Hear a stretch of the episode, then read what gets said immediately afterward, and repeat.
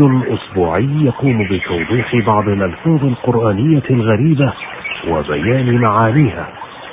البرنامج من إعداد وتقديم الدكتور محمد بن عبد الرحمن السبيعي إخراج عبد الملك بن عبد العزيز المشري. بسم الله الرحمن الرحيم. الحمد لله رب العالمين. والصلاة والسلام على نبينا محمد وعلى آله وصحبه أجمعين. أيها المستمعون الكرام أيتها المستمعات الكريمات السلام عليكم ورحمة الله وبركاته. أحييكم تحية طيبة في مستهل لقائنا هذا حول مائدة كتاب الله العزيز. نتناول ألفاظا منه بالبيان والإيضاح من خلال أقوال العرب الفصحاء في الشعر وفي النثر. والمقام عند مادة الميم والتاء والعين وذلك قوله تعالى في سورة هود يمتعكم متاعا حسنا. قيل معناه يعمركم أي يطيل عمركم. والمادة تدل على الطول ومنه رجل ماتع أي طويل ومتع النهار أي طال. وأمتع فلان طالت مدته وأمتعني الله به أي أطال إيناسي ببقائك. والمتاع انتفاع ممتد ويقال لكل ما ينتفع به في البيت وفي غيره متاع.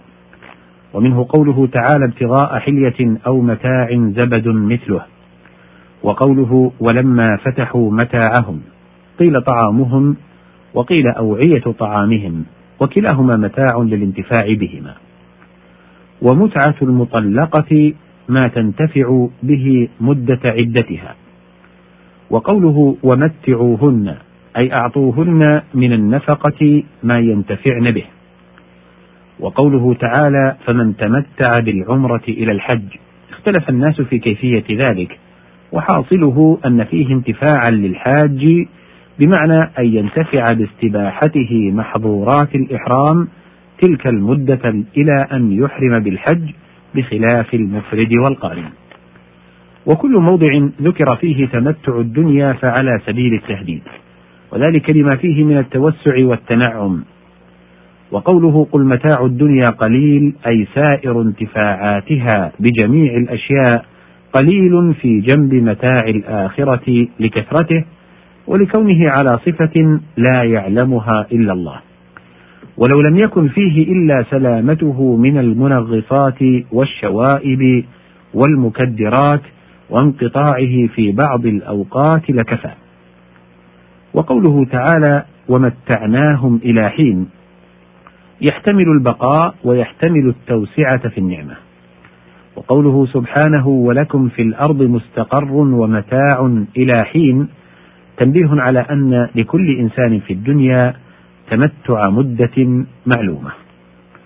والاستمتاع طلب التمتع، ومنه قوله تعالى: ربنا استمتع بعضنا ببعض، وذلك لأن كل من الجن والإنس قد سأل صاحبه التمتع فأعطاه ما سأله. وقيل استمتاع الإنس بالجن هو أن الرجل من الإنس كان إذا سافر فنزل واديا وخاف من شره. قال أعوذ برئيس هذا الوادي. واستمتاع الجن بالإنس هو تعظيمهم إياهم حيث كانوا عندهم ممن يعاذ به ويلتجأ إليه.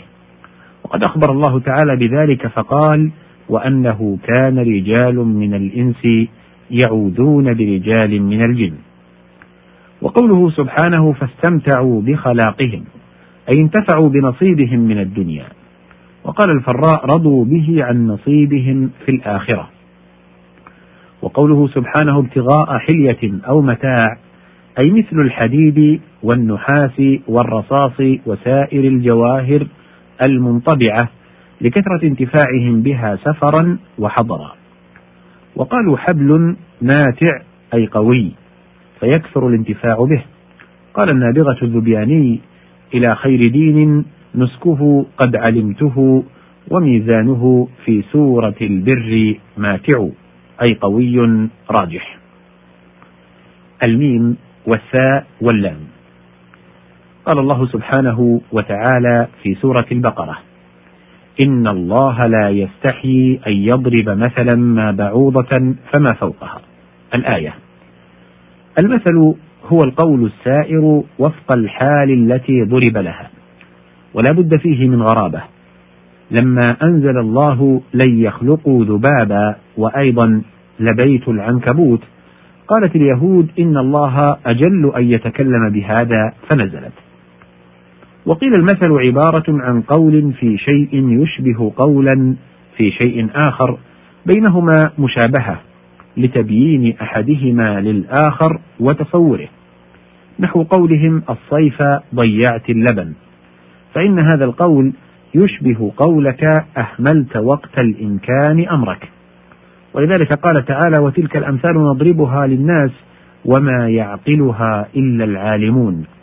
لأنه لا بد من تدبر المثل والممثل له ومطابقة ما بينهما. وقوله تعالى ما هذه التماثيل.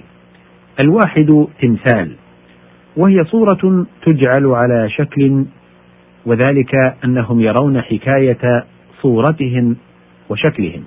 والمراد هنا الأصنام. وقوله من محاريب وتماثيل قيل هي صور الأنبياء وكان التصوير في شرعه عليه الصلاة والسلام مباحا. فأمر الجن أن يصوروا مثل صور الأنبياء لتذكر الناس أفعالهم فيعملون بعملهم. وكذا كان زمن نوح عليه السلام. يقال إن ودا وسواعا ويغوث ونسرا كانوا قوما صالحين. فلما ماتوا صوروا صورهم ليتذكر الناس بهم. فلما طال الزمان وحدث خلف جاء إبليس فقال لهم إن آباءكم الأقدمين كانوا يعبدون هؤلاء. وعبدها قدامهم فتبعوه. وأصل المادة على الانتصاب والتصوير. يقال مثل بين يديه أي انتصب. ومنه الحديث من أحب أن يمثل الناس له قياما فليتبوأ مقعده من النار. والممثل هو الشيء المصور على مثال غيره. وتمثل كذا تصوره بصورته. قال تعالى فتمثل لها بشرا سويا. وقوله تعالى ويذهبا بطريقتكم المثلى أي القربى إلى الخير والفضل. فالمثلى تأنيث الأمثل والأمثل يعبر به عن عن الأشبه بالأفضل والأقرب إلى الخير. وأماثل القوم كناية عن خيارهم وعليه قوله تعالى إذ يقول أمثلهم طريقة أي الأقرب إلى الصواب. قيل والأماثل يجوز أن يكون جمع أمثل وأن يكون جمع أمثال وأمثال جمع مثل. والمثلة التشويه بالقتل كصلم الأذن وجدع الأنف. وفي الحديث نهى عن المثلة ولما رأى عليه الصلاة والسلام عمه حمزة وقد مثلت به كفار قريش قال لأمثلن بسبعين رجلا. فنزل قوله تعالى وإن عاقبتم فعاقبوا بمثل ما عوقبتم به. ولئن صبرتم لهو خير للصابرين. فصبر عليه الصلاة والسلام واحتسب وفدى وعفى بهذا ينتهي الحديث عن هذه المادة وبنهايتها انتهى وقت هذه الحلقة. إلى لقاء تال إن أذن الله سبحانه وتعالى به. أشكر لكم استماعكم وأشكر الزميل عبد الله الحمادي الذي قام بتسجيل هذه الحلقة. والسلام عليكم ورحمة الله وبركاته.